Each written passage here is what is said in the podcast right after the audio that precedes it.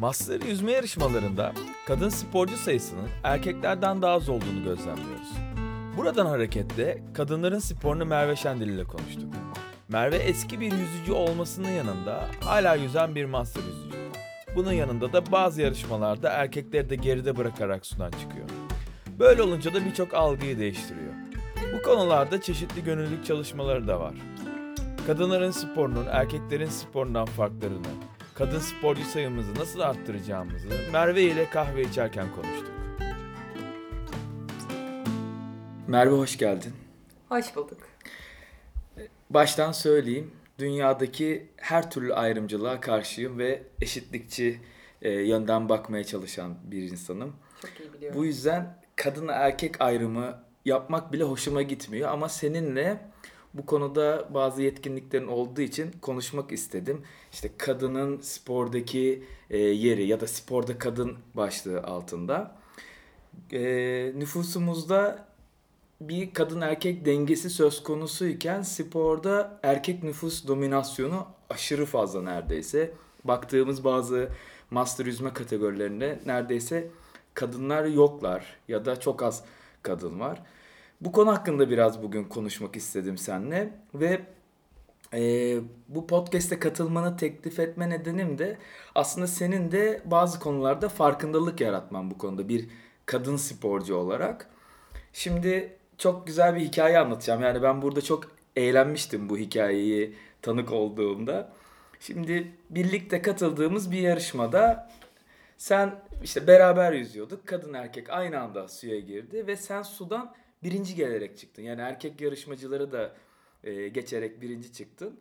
Bu çok sık karşılaşılan bir durum olmadığı için ve senin kadın olmandan ötürü acaba Merve yarışta hile hurda mı yaptı diye düşünen böyle homurdanan tipler vardı. Onlar tabii senin ne kadar iyi bir yüzücü olduğunu, işte eski milli yüzücü olduğunu ve oradaki erkeklerden de daha iyi olduğun ayrımını da varabilecek e, durumda değillerdi. Haklı olarak bu algıdan dolayı yani kadın sudan e, daha geç çıkmalı mantığından dolayı böyle bir şey yaptılar. Aslında bu bizim için de baktığında bir e, ayaklı deneydi. Çünkü şu algı vardır. Bir erkek bir kadından daha güçlüdür. Bir erkek bir kadından daha kuvvetlidir diye ve sen aslında e, bu paradigmayı bozmuş oldun. Bir kadın olarak hile hurda da yapmadan bütün erkeklerin önünde hatta o yarışmada beni de geçerek e, birinci geldi. O yüzden e, bunun bu hikaye üzerine birazcık konuşmak istiyorum. Bu konudaki düşüncelerini çok merak ediyorum. E, sen neler düşünüyorsun bu tarz konular hakkında? E, ya bu evet bu sene Cunda'da yaşadık bu olayı ve e, benim de çok keyif aldım. Benim için çok özel bir yarıştı. E, tabii ben önce şaka zannettim. Yani ben yarışı bitirdiğim noktada işte bana bir mikrofon uzatıldı ve işte e, dediler ki ya neden bu kadar hızlı yüzüyorsun da millette işte polemik yarattırıyorsun yarıdan döndü diyorlar senin için dedi bana. Ben şaka yapıyor zannettim bir de mikrofonu uzatıyorlar güldüm falan. Sonra neyse o konuşma bitti kenara geldim işte insanlar alkışlıyor benimle fotoğraf çektirmek isteyenler oldu kadın olarak birinci olduğum için. Hı hı. Ee, senin dediğin sebeplerden ötürü herkese ilginç geldi. İşte fotoğraf çektirenler falan. Sonra bizimkiler videoları izletti. Hakikaten orada birileri diyor ki işte o yarışmacı değil o yarıdan girdi. İşte o işte doğru yüzmedi falan diyorlar. Hakikaten böyle gerçekten konuşulmuş bu konular. Şimdi bence hem gurur verici hem bir yandan da üzücü bir konu bu. Ee, şöyle tabii baktığımız zaman bir sürü farklı spor dalı var. Ee, ve fiziksel olarak daha güç gerektiren sporlarda tabii ki de erkeklerin kadınları geçebildiği zaten olimpiyatlarda da kadın erkek ayrı kategoride yarışıp sınıflamaya giriyorsun ama bizim şu an yaptığımız branş master sporu. Ve burada şimdi ben 25 yıldır 26 yıldır spor camiasında olan bir insanım. Burada bir yerden sonra artık emek var, orada çalışma var. Yani bir kadın da bir erkeği kuvvet anlamında da geçebilir, dayanıklılık anlamında da geçebilir. İşte başka sporlar var zihne dayalı, işte satranç mesela zekaya dayalı ya da odaklanmaya dayalı spor dalları da var. Dolayısıyla kadın ya da erkek değil aslında spor birey içindir. Önce bunu kabul etmek lazım ve bizim baktığımız açıdan aslında master yüzmesinde sağlıklı yaşam için spor, sürdürülebilir spor, ömür boyu spor yapmak istediğimizde baktığımızda da burada aslında sportif başarı ne kadar emek verdiğin ya da işte dediğim gibi cinsiyetler üstü bir şey artık. Ee, ama profesyonellikte konu başka ama yine de Belki günün birinde farklı spor dallarında da kadın erkek genel klasman birinciliği de olur ki bu sene Çanakkale'de mesela kadın erkek genel klasman birinciliğini karışık verdiler. Ha oradaki ilk üç erkekti. Cunda da yapsalardı ben alırdım o kupayı. Doğru. Bu ayrı bir konu. Ya kategorileri ayırmak bence mantıklı. Bu bazı sporlarda sikletler var işte. Yani 60 yaşındaki bir erkek güreşçiyle 80 60 yaşındaki 60 kilo e, erkek güreşçiyle 80 kilo erkek güreşçi de aynı kategoride Aynen. yarışmıyor. Dolayısıyla şimdi 50 kilo bir kadınla 80 kilo bir erkeğin de yarışması zaten bir olmaz. Ama buradaki en önemli konu cinsiyetten ziyade bu kategorileri iyi belirleyip olayı cinsiyet olmadan ele almaktan geçiyor bence. Aynen kesinlikle katılıyorum. Yani e, dediğim gibi bir de antrenman yaptıktan sonra kimin emek verdiği biraz daha ön plana çıkıyor burada. Yoksa hayatında hiç sporla uğraşmayıp da bana şey diyen insanlar da var. Ya ben ben seni geçerim falan diyen insanlar da var yani. yani hiç spor yapmamış ve sen yüzücüsün ama kadınsın diye sana bu şekilde bunu ego tatmini ya da sana yukarıdan bakmak olarak bu, bu söylemlere sahip insanlar da var ama artık onlar bizim ligimizin muhatap seviyemizin dışında ama toplumun gerçeği olduğunu da değiştirmiyor tabii ki bu. Tabii tabii. Yani ben bu konuyu biraz da e, dediğim gibi daha podcast'in ilk, ilk başında söyledim. Yani her türlü ayrımcılığa karşıyım. Herkesi kendi yetenekleri doğrultusunda değerlendirmek lazım. Özellikle de bir antrenör olarak benim en asli görevim de bu. Çünkü e, tutup da ben bir aşçı gibiyim. E, bir karpuzdan bir Adana kebap çıkartamam meydana. Öyle değil mi? O zaman karpuzu Adana kebaptan sonra verilecek bir e, yemek, bir menü seçeneği olarak sunmam lazım. Dolayısıyla da bu ayrımlara karşı olup herkesi kendi yeteneğiyle değerlendirmek lazım. Kadın ve erkek ayrımını da bu yüzden egale ediyorum. Mesela bizim şimdi primitif stüdyoda hiçbir cinsiyet şeyi yok. Mesela her kabin aynı zamanda erkek kabini, aynı zamanda kadın kabini ya da işte tuvaletimiz, banyomuz. Ama orada biz kadın ve erkek olarak birbirimize saygı duyup birisi içerideyken yani sen erkek arkadaşın da kabindeyken o kabine girmeyeceksin. Kız arkadaşın da varken girmeyeceksin belki ya da aynı şekilde tuvalet banyo kullanma adabı da buradan gelebilir. Buna ben tam olarak insan hakları ve insanların e, insan hakları, e, insan eşitliği e, gözünden bakıyorum. Yani o yüzden de birazcık bana bu şey geliyor. Yani biraz böyle pornografik geliyor. Tutup da hani kadını e, olumlu anlamda ön plana çıkarmak ya da böyle olumsuz bir yergi içerisinde tutmak. E, bunları söylemek istedim ben de ya. Bir anda böyle yaptın. bir coşkun ırmakla. Yo bence çok doğru. Herkesin bireysel kişisel bir alanı var ve o alana saygı duymak lazım. Bu cinsiyetten bağımsız bir şey. Şey konusu da tabii bir gerçek yani hani işte erkeklerin bakış açısı e, kadına karşı işte senin yaşadığın örneklerde olduğu gibi işte kadınsa tamam ben zaten onu geçerim gibi. Neyse bu bence kırılıyor bu güzel oluyor. Şöyle şimdi e, senin gibi başarılı ve güçlü bir kadını karşısına alıp konuşmak benim açımdan çok keyifli, çok güzel. Ama toplumun sindirdiği hatta kendi kendini bilerek ve isteyerek bunu kabul ederek sinen kadınlar da var. Ee, onlar nasıl kendi güçlerinin farkına varabilirler? Yani burada belki de bir arz talep meselesi olabilir mi? Bunu düşünür müyüz? Yani kadınlardan bir takım e, ben de varım fikri gelmeli mi de erkekler onlara biraz daha e, alan açmalı? Bu konuda ne düşünüyorsun? Ee, ya bence bu konuya değinmek çok güzel olmakla birlikte bugün burada oturduğumuz yerden bu konunun gerçek çözümünü bulmamızın bir tık daha zor olduğunu düşünüyorum. Çünkü o kadınların yaşadıklarını gerçekten içinde bulunup ya da yakınında bulunup anlamak problemin daha doğru çözümünü bulmak için bence iyi bir yol olurdu ama sonuçta bugün buradayız ve bizim çevremiz belli. Yine de bu konulara değinmek ve bir çözüm e, geliştirmek ve rol model olmak, bizlerin aksiyonlarıyla rol modeller gelişmesi önemli. Ben burada şöyle düşünüyorum yani birazcık yukarıdan atıyor olmak istemiyorum ama e, yine kadın erkeği kenara bırakırsak ben her bireyin farkındalıklı olması gerektiğini düşünüyorum. Önce kendinin ve içinde bulunduğu toplumun. Hepimizin belli bir seviyede zekası var ve e, hangi ailede nasıl bir yerde doğ- doğarsak doğalım bir süre sonra özellikle de internetin de faydasıyla farklı yaşamlar olduğunu görebiliyoruz aslında.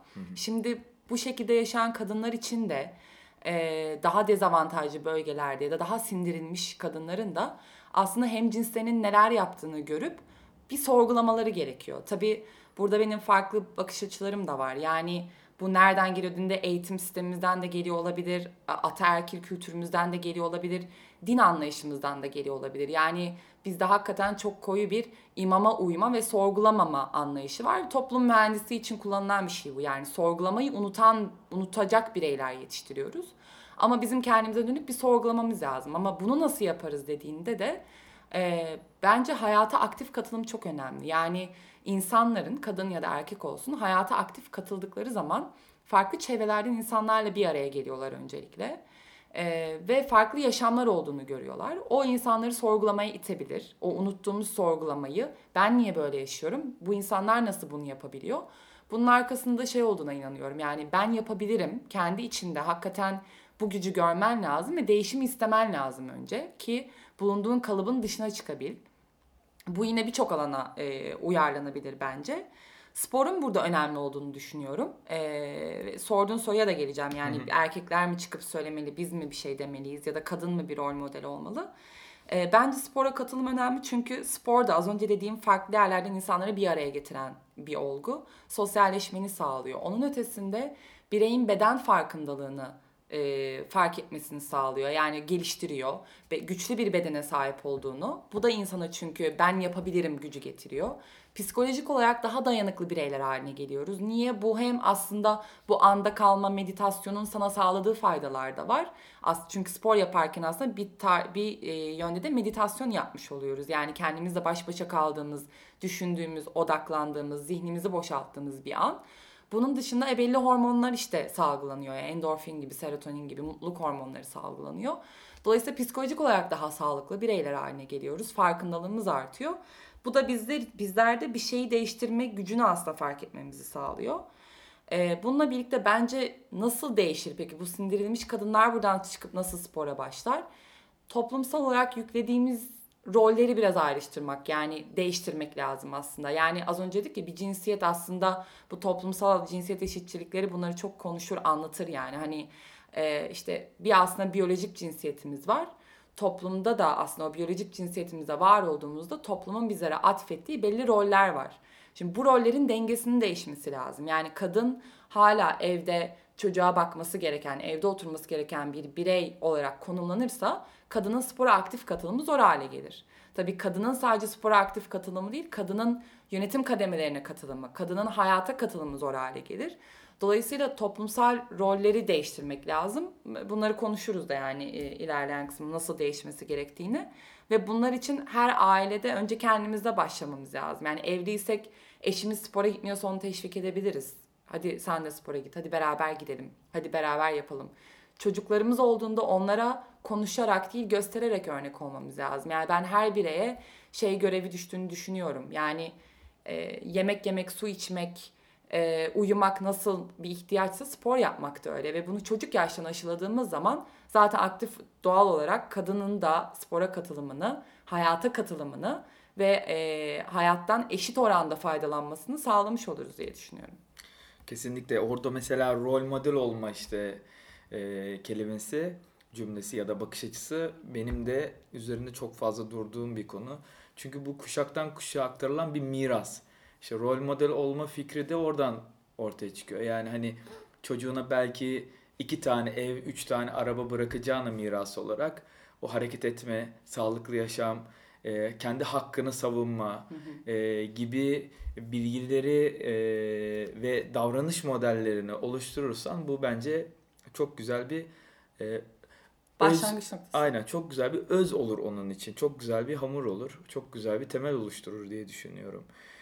Kesinlikle Şeyde- konu temelden başlıyor çünkü. Aynen mesela şey var. Geçenlerde yine kadınlarla alakalı başka bir programda dinlemiştim. Bir tane Amerikalı e, yargıç e, bir doğum esnasında kadın anne yani e, vefat ediyor. Babaya doğum izni veriyor bu durumda. Mesela bu e, çok acayip bir durum oluyor. Şimdi baktığımız zaman Ee, evet orada bir çocuk var ve çocuğun yükü bakmakla yükümlü olan bir annesi var. Tabii ki bu biyolojik olarak da böyle. Bu biyolojik farklılıklara karşı çıkıyoruz e, anlamı taşımasın anlattım ama annesi yoksa o zaman onun babasının o çocuğa daha fazla bakıyor olması lazım ve dolayısıyla babasına doğum izni veriyorlar. Ve bu bir emsal teşkil ediyor ve oradan da aslında işte e, bugün bizim de Türkiye'de baktığımız zaman e, babalara da doğum izni verilme mevzuları. Şu anda var mı yok mu bilmiyorum onu var, takip var. etmiyorum. Bazı şirketlerde var yani daha uzun periyotta eskiden yoktu çünkü kadın da yıpranıyor orada çocuğa bakarken Tabii bu ki. arada. Yani eşinin desteğine ihtiyacı var orada ama eşine aynı izin tanınmıyor. Tabii. Mesela bu çok güzel bir adım olmuş. Yani mesela bu bize çok şu anda doğalmış gibi geliyor. Çevremizde orada burada arkadaşlarımız doğum yaptığında kocası doğum izni aldı. Evet bu bize çok doğalmış gibi gelse de aslında çok yeni kazanılmış bir hak. Ee, ve işte bu kadın yargıç da aslında burada bunun önünü açıyor. Belki bu tarzda kilit noktalara gelen kadınlar e, toplumda alan açarak bir yer elde edebilirler diye düşünüyorum. Kesinlikle katılıyorum. Şimdi ben bu podcast serisinde biraz tezatlıklara değinmek istiyorum. Yani o yüzden senle sen şimdi eski milli sporcusun. Kendinden çok fazla bahsetmedin. Master'larda da hani şampiyonluklarım var. Şu anda da suya girdiğinde dört tekniği harika yüzüyorsun. İşte bilmem kaç yaşına geldin. Hem e, 32. Yaşımla gurur duyuyorum ben. Her yaş güzeldir. Evet. e, hala hem profesyonel hayatın, iş yaşamını gayet başarıyla e, devam ettiriyorsun. Hem de spor yaşamını. Sadece yüzmeyle de kalmıyorsun. Sporun başka alanlarında da varsın. İşte yazın beraber Kitesurf yaptık. aynen e, fitness fitness'a gidiyorsun. Çe- Koşuyorsun. Şimdi bisiklet aldın filan. Hani böyle her yerde varsın. Hani bir iş yaşamının yanında bu da var. E, ben de burada işte senin gibi başarılı bir sporcuyla hafiften ilgi alanın olan ama aykırı bir konuyu konuşmak istiyorum. Aslında konuştuğumuz konu e, felsefe konusu ya da bir politika konusu olabilir aslında. Onların alanlarına da birazcık giriyoruz. Şimdi ben bundan sonra senden sonra e, bir tane daha kadın programı yapmak istiyorum ama bunu bir erkekle yapacağım. Hani bu e, çünkü özellikle feminizmde de var. Yani hani kadını konuşuyorsak feminizmi e, ayrı tutmamamız lazım. Ama feminizmde de bir ufak şey var. Aman erkekler gelmesin, erkeklere karşı çıkıyoruz. Biz biraz daha kadın olarak hakkımızı alacağız var. Ama konunun diğer ayağı e, yani çünkü bir uzlaşı olması lazım burada. Bir eşitlik belki ilk etapta sağlanması lazım. E, erkeklerin de bazı erkeklerin ikna edilmesi lazım. O yüzden de ben başka bir erkekle bu programı e, yapacağım. E, senden aslında bizim tarafa yani erkek cenahına feedback vermeni istiyorum. Biz neler yapalım bu dengesiz düzenin gelişmesi, değişmesi için? Şimdi e, benden de bahsettin şeyi de söyleyeyim. Yani evet ben çocukluğumdan beri sporun içindeyim. Aslında e, yüzmeden önce ben kayakla başladım spor hayatıma. Yani ilkokulda kayak yapıyordum. Sonra yüzme, işte kitesurf, dalış. Ortaokuldan beri yine dalış yapıyorum. E, bununla birlikte şimdi erkeklerin ikna edilmesi dediğin için yine uç bir şey söyleyeceğim. E, toplumumuzda hala bence kadın ya da erkek tuhaf karşılanıyor. Ben yalnız başına seyahat eden bir insanım. Şimdi yalnız başına seyahat etmek de insanlar arasında ya işte yalnız mısın ya da ezik misin gibi şeylere de sebep olabiliyor. Aslında bu çok büyük bir cesaret ve özgürlük isteyen bir şey. Ama insanlar henüz bunu fark etmediler. Yurt dışında çokça hem kadınların hem erkeklerin yaptığı bir şey. Erkeklere ne düşüyor dersen e, burada şimdi evet ikna edilmesi özellikle Aslında belki de yönlendirilmesi. Çünkü az evvel bahsettik ya ataerkil yani öyle öğrenmiş. Çok iyi niyetli ama Doğru. onun öyle olması gerektiğini biliyor. Hani orada biz bir hayır abi bak o öyle değil. Aslında bak şöyle olsa daha iyi olmaz mı deyip ha çok doğru söylüyorsun ya çevirebileceğimiz belki erkekler olabilir. Belki Doğru. farkında olmadan bizim de yaptığımız yani şahsen benim yaptığım cinsiyetçi e, durumlar söz konusudur. Bunların kadın tarafından e, bir uzlaşıya bağlanması için, bir yönlendirme için, üzerine konuşmak için yani bir şeyler istiyorum. Sadece ikna değil. Yani biz Tamam. şey değiliz burada. A değiliz size e, şey verecek olan. e, ne derler? Hani toprak İzin verecek, verecek izin verecek aynen, olan. Biz evet. burada sohbet edeceğiz, uzlaşı sağlayacağız, sizi anlamaya çalışacağız, siz de bizi anlamaya çalışacaksınız. Hepsi bu. Peki anlaşmak noktasına girdiysek o zaman şuradan bir başlayalım. Şimdi geçmişte bu çok klasik bir şeydir zaten. Kadınlar daha az işte çalışıyor. Er, dolayısıyla erkek eve işte para getiren, eve bakan. Kadın da evinde oturan, e, daha az eğitimli zaten bireylerken kadının belki sorumluluk olarak ev işlerini devralması, erkeğin de dışarıda çalışması normal. Ama bugünkü hayata baktığımda daha normal olabilir. Ama bugünkü hayata baktığımızda hem kadın hem erkek çalıştığında aslında her şeyin eşit gidiyor olması lazım. Ama farkında olmadığımız şeyler neler? Şimdi ben de farkında değildim. Toplumsal cinsiyet eşitliği eğitimleri almadan önce ben bile kadın olarak aslında e, kendi cinslerime karşı işte bu adam gibi konuş. Mesela şimdi herkesin uyardığı bir şey. Neden adam gibi konuş? Ya da kadın gibi kıvırma, kadın gibi çiğneme şu sakızı. Hı hı. Şimdi bunlar bizim dilimize eskiden beri yerleşmiş söylemler. Buna kadın erkek hepimizin dikkat etmesi Antrenörler gerekiyor. Antrenörler işte kız gibi koşma. Evet kız gibi konuş. yani işte bizim bir sene senle yarışımızda vardı. Kız gibi yüzmek mi? Bir boğaz yarışmasına Aynen. bu hashtagle girmiştik. Kız gibi yüzeceğiz ama en iyisini yüzeceğiz diye yani. Kadın gibi yüzeceğiz diye. Ee, birkaç şeyde konu olmuştu bu tezatlık yaratmak için. Ee, erkeklere ne düşüyor burada? Şimdi şeye bakmak lazım. Yani ben burada tabii biraz rakamlarda da konuşmak istiyorum. Sen bana en başta da dedin işte kadın dominasyonu e, çok düşük. Şuna baktım ben. Kadınların e, spor yapanların %68'i erkek, %31'i kadın. E, bu 2020 Toplumsal Cinsiyet Eşitliği izleme raporu e, yayınladı. Bu Kızlar... şey mi? Profesyonel sporcular evet, yoksa... lisanslı sporcular bunlar. Lisanslı. Evet. E, ama diyor şimdi 2016'da başka bir TÜİK'in raporuna baktım. Türkiye kadın nüfusunun sadece %3'ü spor yapıyor. Gençlik Spor Müdürlüğü'ne kayıtlı sporcu sayısı sadece %3'ü. Yani aslında kadın ya da erkek spor yapan insanların sayısı zaten Türkiye'de çok az. Şimdi e, şeyin ötesinde. Ve e, şimdi cinsiyet tarafına gireceğim buradan. Kadınlarda şöyle bir şey var mesela. E, kadınların spor yaptığı alana baktığında voleybol, dans, jimnastik, buz pateni. Erkeklerin ağırlıklı spor yaptığı alanlara bak. Futbol, güreş, bilardo, e-spor, otomobil sporları. Şimdi burada ne var? Aslında bizim toplum olarak yüklediğimiz cinsiyet farklılıkları var. Daha erkeksi sporlar, daha kadınsı sporlar. Şimdi erkek olarak şeyi bırakmamız lazım. Bak bu pozitif gibi gözüküyor ama değil aslında. Bir kadın futbolla ilgilendiği zaman herkes bunu alkışlıyor. Wow falan diyor. Aa, ne kadar ilginç diyor yani. Aa kadın futbol oynuyor ya da futbol hakkında konuşuyor. Şimdi bu aslında üzücü bir şey. Neden? Çünkü anormalleştiriyoruz durumu. Anormal değil aslında o bir spor ve bir kadın da bir erkek de eşit derecede buna sempati duyabilir, buna yetkin olabilir, buna yatkın olabilir, ilgi alanı olabilir. Ya da erkekler kendi erkek arkadaşları çevresinde e, sporla, er, futbolla ilgilenmeyen erkekleri dışlayabiliyorlar. Ya da bir erkek dansı seçtiğinde daha feminen geldiği için herkes bunu yargılıyor. Şimdi bence bir buradan başlamak lazım. Yani bu toplumsal bakış açılarımızı Böyle değil çünkü en başta konuştuğumuz konuya gidiyor. Yani spor birey içindir ve sen yetkin olduğun herhangi bir alanda spor yapabilirsin. Bu yakıştırmalar, bu aşağılamalar, bu ekstra e, tezahüratlar ya da e, işte e, geri plana atmalar insanları önce yok olmalı toplumda. Herkese eşit bakmalıyız ve sporu cinsiyetten ayırmalıyız. Bence birinci yapmamız gereken şey. İkinci yapmamız gereken şey evdeki rolleri paylaşmalıyız ki kadın kendine vakit ayırabilsin. Yani e, bütün gün hem işe giden, sonra evde yemek yapmak için uğraşan, çocuğuna, eşine işte yemek koymaya çalışan, evi temizliğiyle uğraşan bir kadının sporla uğraşabilmesi ya da hayata eşit şekilde erkek kadar katılabilmesi tabii ki daha zor. Yani erkek sadece işe gidiyor, eve geliyor. Ee, bunun yanında kadın aslında birçok farklı rolü var, şapkası var çünkü anne olarak, ev hanımı olarak, dışarıda çalışıyor olsa bile. Bu rolleri biz ne kadar paylaşırsak kadın da kendine o kadar vakit ayırabilir. Dolayısıyla rolleri paylaşmamız gerekiyor. Burada empati yapmamız gerekiyor. Yani erkekler işten geliyor. Of ben çok yoruldum diyor. Ayağını uzatıyor. Maç izliyor.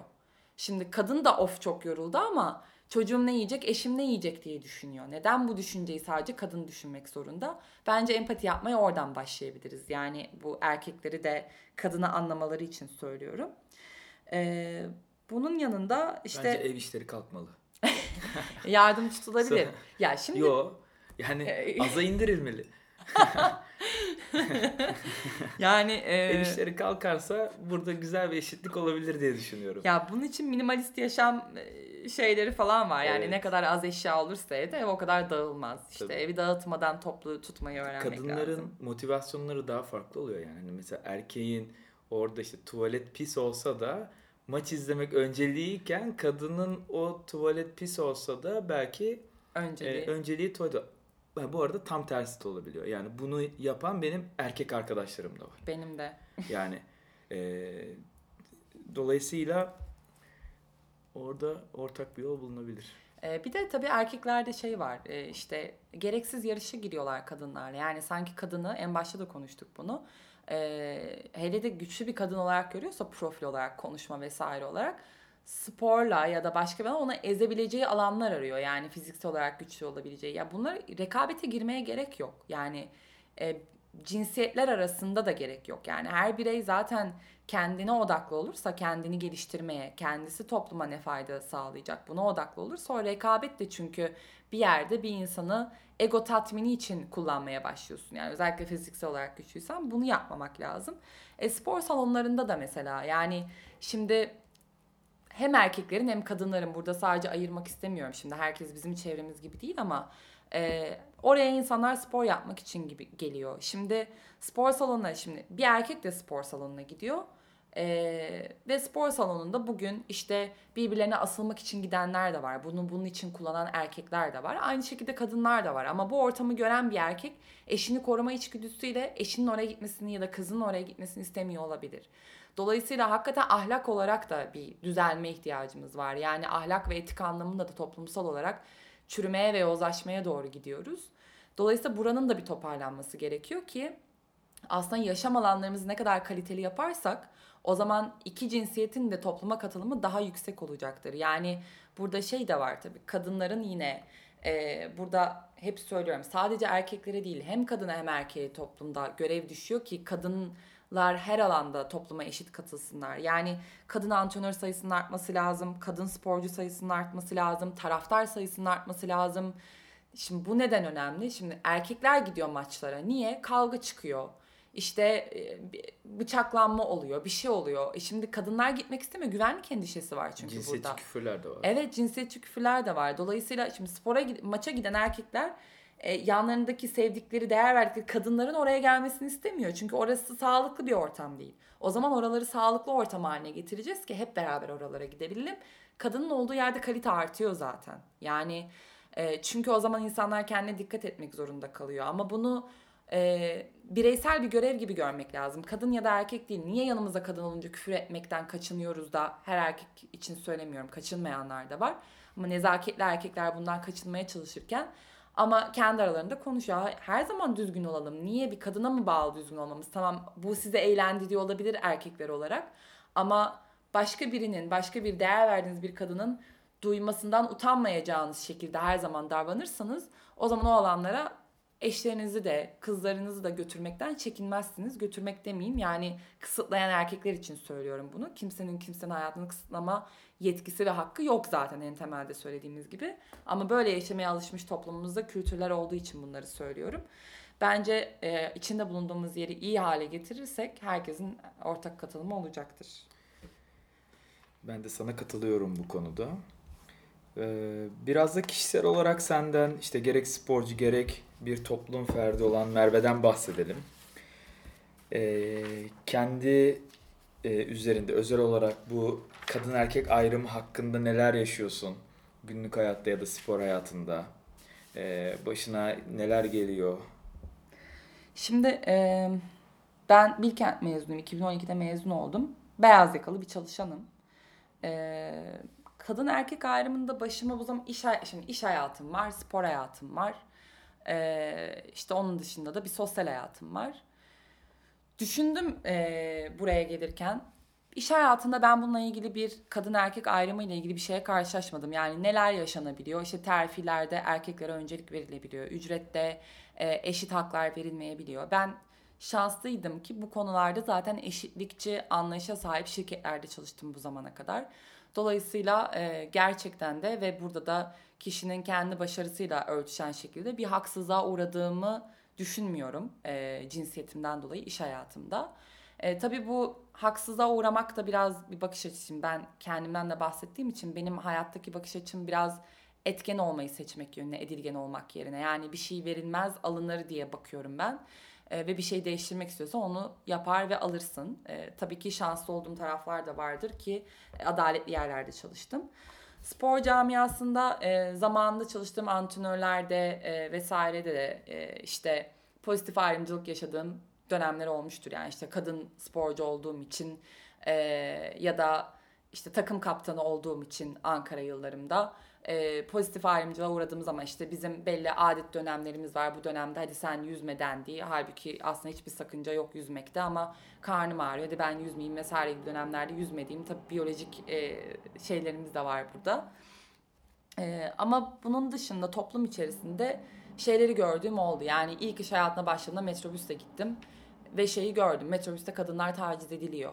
Yani e, o kalabalık içerisinde ya da spor salonlarında kadınların e, taciz edildiğini ya da e, belli işte spor hocalarının kadınlara sırf yaranmak için ilgi gösterdiğini, erkeklerle hiç ilgilenmezken bu erkekler için bazen demotive olabiliyor. Bizimle hiç ilgilenmiyorlar ki kadın sporcularla, kadınlarla ilgileniyorlar. Çünkü orada bir kendini beğendirme şeyi var. Dolayısıyla bunları e, sosyal hayatın içinde e, yaşayan bir birey olarak gördüm. Hatta bundan dolayı şey yapmışım da vardır. Spor salonuna gidince kulaklığımı takarım, sporumla ilgilenirim, sporumu yaparım, sonra çıkar evime giderim. Çok etrafla muhatap olmam çünkü bunları gözlemleme fırsatım oluyor. Ama içine dahil olup olmamak sizin elinizde. E, spor dünyasında hiç yaşamadım e, herhangi bir ayrımcılık. E, kendi a, profesyonel yarışma yaptığım hayatımda. İşte bu Cunda'daki olayı saymazsak. e, Şu bu pozitif, şekilde. Pozitif ayrımcılık kısmına biraz takılıyorum ben. E, hiçbir kişiye yani ister engelli olsun, ister kadın olsun. Yani pozitif ayrımcılık aslında negatif bir şey bir şeyi negatif ve pozitif olarak algıladığın zaman yani e, orada yine olmaması gereken durumlar ortaya çıkıyor. Mesela önümüzde iki tane e, insan var diyelim. Birine ikisine de eşit uzaklıktayız. Birine çok güzelsin dediğimiz zaman otomatik olarak diğeri o zaman çirkinim diyor. İşte birine sen çok iyi yüzüyorsun deyince diğeri o zaman ben kötü yüzüyorum diyor. Yani böyle bir e, mekanizma çalışıyor. Dolayısıyla işte sen kadınsın o yüzden sana öncelik veriyoruz demek bence e, bu benim şahsi fikrim. E, bunu işte e, işin felsefesini yapanlar daha iyi açıklayabilirler belki. Ama ben hayatımda ve antrenörlük hayatımda hiç kimseye ister engelli olsun, ister kadın olsun, ister e, başka türlü özellikleri olsun hiçbir şekilde ayrımcılık yapmıyorum pozitif olarak. Neyse o tahtaya program yazılır onu sen yaparsın. Yapamıyorsan bu senin özelinde olan bir şeydir. O zaman sana göre programı modifiye ederiz. İşte kadın bir sporcu belki daha yavaş yüzebilir. Bu olağan bir şey. Ee, biyolojik olarak. O zaman biz bunu ne yaparız? Biraz daha süreleri arttırırız. Bu arada erkek bir yüzücü de daha yavaş yüzebilir. Yani dolayısıyla kadın ve erkek ayrımının biyolojik olarak benim açımdan çok da bir e, durumu söz konusu değil. Hani böyle ayrımcılık yapmak açısından. Bir onun da böyle yeri gelmişken fikrimi beyan etmek istedim. Bence doğru söylüyorsun. Yani şimdi bu bizim toplumsal kültürümüzden gelen bir şey. İşte bu kadının evde çalışması, erkeğin ona bakması gibi bir yükümlülük olduğu zaman işte nezaket kuralları çerçevesinde yapılan şeylerdi aslında bence pozitif ayrımcılık e, erkekler bunu nezaket amaç yapıyor. İşte bir kadın olduğunda yanına ona önden yer verilmesi, onun sandalyesinin tutulması gibi şeyler de aslında. Centilmenlik. Centilmenlik adı altında o gidiyor. Ama e, ben sana katılıyorum. Yani ayrımcılığın eğer toplumsal olarak zaten iki cinsiyeti eşitlediğimiz zaman bunlar ortadan kalkacaktır. Tabii bazı yerlerde biraz daha savunmak, kadın katılımını artırmak için savunmak, e, kadın popülasyonu artırmak için savunmak belli bir eşitlik seviyesine gelene kadar e, şimdi son dönemlerde üzerine durulan bir şey. Belki bu yüzden biraz daha pozitif ayrımcılar gidiyor ama bence de eşit hele ki bizim çevrelerimizde şimdi biz yaşamıyoruz bunu ama işte short giydiği için spor yapmasını istemeyen ebeveynler var çocuklarının. Yani şimdi kızım short mu giyinecek ya da biz düşün mayo giyiniyoruz. Şimdi biz bugün aslında eşitliği konuşuyoruz ama bugün bizim toplumumuzda mayo giymenin zaten yanlış olduğunu düşünen insanlar var. Şimdi bu insanların çocuklarını nasıl bir spora yönlendireceğiz dediğinde e, orada başka bir yere gidiyoruz ama biz şanslı ailelerin çocuklarıyız bence ve daha e, işte İstanbul gibi metropol işte İstanbul, Ankara, İzmir gibi yerlerde büyüyen insanlar şanslıyız ama ben zaten şöyle büyüdüm. Yani abim var benim bir, bir de kız kardeşim var. Abimle aramızda iki yaş var. Benim annem babam bizi çocukken dünyanın neresine giderseniz gidin kendi ayaklarınız üzerinde durabilecek şekilde yetiştireceğiz siz dediler. Biz çocukken abim de ben de hep aynı şeyleri yaptık. Yani izciliğe gittik, yüzmeye gittik, kayağa gittik. Bizim aramızda bir cinsiyet ayrımı yoktu ki ben öyle bir şey görmedim zaten. Yani ki ben ondan uzundum çocukken. Yani fiziksel olarak da daha yapılıydım. Ve onu alt edebildiğim çok yer olurdu yani. Dolayısıyla bunu ben kendim yaşamadığım için bu kadar özgürlükçü ve şey bakabiliyorum. Yalnız başıma seyahat edebiliyorum. Ha yalnız seyahatlerimde kadınların daha tedirgin olduğu e, ülkeler var. İşte güvenlik Erkekler de yani ben erkek olarak seyahatlerde bazı seyahatlerde ürktüğüm, bazı alanlarda e, aynı o kadınların yaşadığı tacizleri yaşadığım ya da e, laf atmalara maruz kaldığım yerler benim de oldu. E, zaten hani sporcuysan zaten marjinalsin. Hani evet. Bazı ortamlarda otomatik olarak işte o kadının marjinal olup o laf aldığı ya da tehlike altında olduğu bir durumu zaten sporcu bir birey e, günlük hayatta yaşıyor.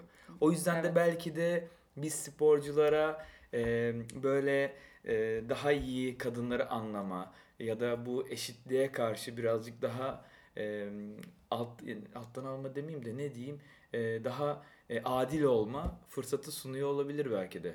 Evet kesinlikle katılıyorum. Bu konuda e, bir STK ya da gönüllülük çalışmaların da var bildiğim kadarıyla ama o kısmı tam olarak bilmiyorum. Anlatsana Ben anlatayım. Hmm. Ee, şimdi benim çocukluğumdan beri genel e, vicdanım rahatsız eden konulardan bir tanesi işte çocuk istismarı ya da kadın tacizleri, tecavüzleri. E, bu konuya da çok kafa yordum e, ve kendim de sporcu olduğum için çünkü insan en aslında başarılı başarıyla yaptığı şeyleri kendi güçlü alanlarında yaratıyor ve yapıyor. Hep şey inandım yani ben bir sporcu olarak güçlü bir birey olduğuma inanıyorum. Kadın ya da erkek değil yani güçlü bir birey olduğuma inanıyorum. Ve e, buna baktığımda gücümü de spordan aldığım çok fazla yer olduğunu görüyorum. Yani moralim bozulunca, ben canım sıkılınca kesinlikle spora giderim. Çünkü spordan sonra yenilenmiş, tazelenmiş ve o duygusal olarak düşük hissettiğim taraflarım tamamen güçlenmiş oluyor, yükselmiş oluyorum. Muhtemelen zamanında da işte belki hala da şampiyonluklar kazanmamla da ilgili. Orası benim güçlü olduğum, başarılı olduğum yer ve kendimi iyi hissetmemi sağlıyor. Evin gibi yani. Evim gibi. Bunları düşündüğüm zaman da şeye geldim hep yani Türkiye'de dezavantajlı bölgelerde e, özellikle kadınların spor, sporla hayata kazandırılması, sporla en başta bahsettiğim işte kendi beden farkındalığını, e, bedeninin gücünü fark etmesi, psikolojik gücünü arttırması, daha sağlam, daha sağlıklı bireyler oluşması. Tabii bir de kültürel değişim de gerekiyor. Ama e, dezavantajlı bölgelerdeki çocukların sporla hayata tutundurulması e, konusunda çalışma yapmak istiyordum çok eskiden beri. Birkaç sene önce bu Kaş'ta, senin de çok sevdiğin Kaş'ta biliyorum. E, Düşler Akademisi var. Orayı da çok takip ederim. Onların kadınlar için, kız çocuklar için yaptıkları projeler var. Orada bir STK ile denk geldim onların sayfasında. Kızlar sahada. E, gönüllü eğitmen arıyordu. Baktım sayfaya tam olarak benim düşündüğüm şeyi düşünüyorlar. Yani diyorlar ki biz dezavantajlı bölgelerdeki işte kadının sporla hayata tutundurulmasına inanıyoruz. Onların bir farkı var. Burada futbolu motto olarak kullanmışlar e, futbolda toplumsal cinsiyet eşitliği, kadın ve erkek futbolcular arasındaki gelir eşitsizliğinden bahsedip e, kadınların, e, futbolcu kadınların güçlendirilmesi üzerine çalışan bir STK. Dedim ki ilk adım olarak burada başlayabilirim çünkü biraz daha zaman ayırdığımda kendim belki bir şeyler yapabilirim ama şu anda buraya ayıracak vaktim var ve ben burada kadın futbolcuların güçlendirilmesi için hali hazırda var olan bir oluşumun içine girip burada fayda yaratabilirim diye düşündüm. Çünkü toplum olarak bence her birimizin üzerine düşen e, görevlerden birisi de topluma geri vermek. Yani içinde nasıl evine iyi bakıyorsan, içinde yaşamak istediğin bir ev dizayn ediyorsan toplum da bizim evimiz gibi. Yani biz bugün toplumsal olarak birçok konuda şikayet ediyoruz. Ama her birimize düşen, burayı iyileştirmek için düşen görevler var. Herkes yapabileceği kadarını yapmalı. Ee, ama elimizde yani ufak ufak çünkü şey diyenler var yani benim yaptığımla ne değişir ki öyle değil yani. Sen ben değişirsek dünya değişir diye inanıyorum ben. O yüzden ilk adımı da bizim atmamız lazım. Benim atabil attığım şu anda adım e, kadın futbolculara eğitim veren bir platformun içerisindeyim. İşte onların hem fizyoterapi hem beslenme hem psikolojik işte performans koçluğu. E, ben burada kendim de bir pazarlamacı, markacı olduğum için, e, stratejist olduğum için burada onlara verdiğim eğitim kişisel marka yönetimi. Aslında seninle de zamanında çok konuştuğumuz bir konunun iç, e, başlığını işliyoruz burada. Yani sportif olarak çok başarılı olmasan bile iyi bir marka e, yaratabilirsin. Ee, ve bu markayla da birçok sponsorluklar elde edebilirsin. Kendin daha görünür elde edebilirsin. Bir yerlerde konuşmacılıklar, sunuculuklar yapabilirsin. Ee, işte terfi alabilirsin, iş teklifleri alabilirsin. Önünde çok kapı açılabilir.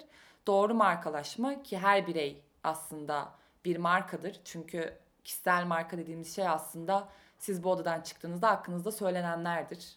Ee, dolayısıyla sen bunu inşa etsen de etmesen de senin hakkında birileri konuşuyor. Ama sen bunu yönetmeye karar verirsen, etken olmaya karar verirsen senin hakkında ne izler bırakmak istiyorsan özellikle internet dünyasında o izleri sen yaratırsın. O yüzden ben biraz bunlarla e, kadın futbolcuların kendi güçlendirmesini, görünür hale gelmesini ve farklı fırsatlara erişmesini sağlamaya çalışıyorum. Şu an yaptığım şey bu. Tamam. Sana bütün alanlarında başarılar diliyorum. Eklemek istediğin bir şeyler varsa ekleyelim. Yoksa inceden fıyalım. Ben beni buraya davet ettiğin için çok teşekkür ederim. Bence Sen beni davet ettin ya. Şu an sendeyiz. Doğru ben seni davet ettim. Ben böyle bir podcast çekmeye başladığın için çünkü e, ben üretmenin önemine çok inanıyorum. Bu da çok önemli bir üretim. E, şeyi söylemek istiyorum sadece. Benim hayat görüşüm farklı deneyimler elde etmek, bunları paylaşmak, ilham vermek, ilham almak ve bu şekilde de kendimizi, bakış açımızı, çevremizi, toplumumuzu ve dünyayı değiştirmek üzerine. E, bu konuda da adım atan herkese saygım çok büyük. E, seni de o yüzden çok hem sayıyorum hem çok seviyorum. Teşekkür ederim. İyi ben ki de varsın. seni. Sen de iyi ki varsın. O zaman hadi görüşürüz. Hadi bay bay.